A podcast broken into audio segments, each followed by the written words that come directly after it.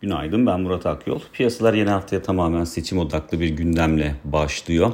E, geride bıraktığımız haftada yurt içinde fiyatlamalar daha çok e, seçimin ilk turda sonuçlanma ihtimaline işaret ediyordu ki BIST endeksinde buna paralel olarak %9'a yakın değer kazanımı görmüştük. Ama kesin olmayan mevcut sonuçlara baktığımızda seçimin ikinci tura Cumhurbaşkanlığı seçiminin ikinci tura kalma ihtimali biraz daha yüksek görünüyor. Dolayısıyla bu da geçen haftaki fiyatlamalardan farklı bir e, tabloya işaret ettiği için e, Borsa İstanbul'un yeni haftaya yüksek volatilite ile belki de e, geçen haftaki kazanımlarının bir kısmını geri vererek başlama ihtimali biraz daha yüksek görünüyor.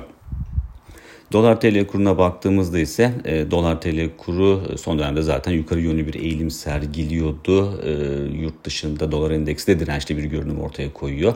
Özellikle e, geçen hafta Cuma günü Amerika'da açıklanan Michigan Tüketici Güven Endeksinin alt kalemlerinde uzun vadeli enflasyon beklentilerinin 2011 yılından bu yana en yüksek seviyeye ulaşması Fed'in faiz arttırma ihtimalini kısmen de olsa canlandırdı. E, şu anda e, Haziran ayında faiz arttırımına %16 civarında ihtimal veriliyor ama e, bundan bir hafta öncesine kıyasla bakarsak %8,5'lardaydı. Yani neredeyse iki katına çıkmış durumda. Bunun etkisiyle dolar endeksinin biraz daha dirençli olduğunu söyleyebiliriz ki bu da e, dolar TL kurunda da yukarı yönlü eğilimin devam edebileceğine yönelik bir sinyal veriyor. Zaten ikinci tura kalınması da e, TL üzerinde e, belirsizlik yaratan, baskı yaratan bir konu başlığı olarak çalışabilir. Bu nedenle son dönemde gördüğümüz yukarı yönlü denemelerin devam etme ihtimali e, biraz daha fazla diyebiliriz.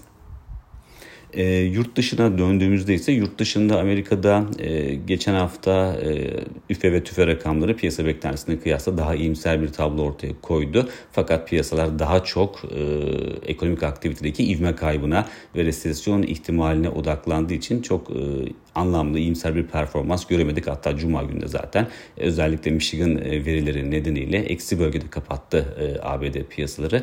Yeni haftada özellikle imalat rakamları ön planda olacak. Ekonomik aktivitenin son durumuna e, ışık tutacağı için bölgesel veriler takip edilecek. Bunun yanında geçen haftaki enflasyon rakamlarının ardından FED'den gelecek açıklamalar da son derece önemli.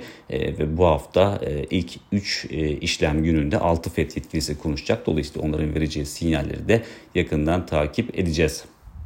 E, son olarak şunu da eklemek isterim. Geçen hafta Amerika'da biliyorsunuz e, ABD Başkanı Biden'la kongre yetkilileri arasında, kongre liderleri arasında e, borçlanma tavanı görüşmeleri yapılacaktı Cuma günü. Fakat o bu haftaya ertelendi. Bu da zaten piyasaların çok yakından takip ettiği ve risk iştahını şekillendirebilecek e, gündem maddelerinden bir tanesi. Dolayısıyla oradaki gelişmeler de bu hafta e, yakından takip edilecektir.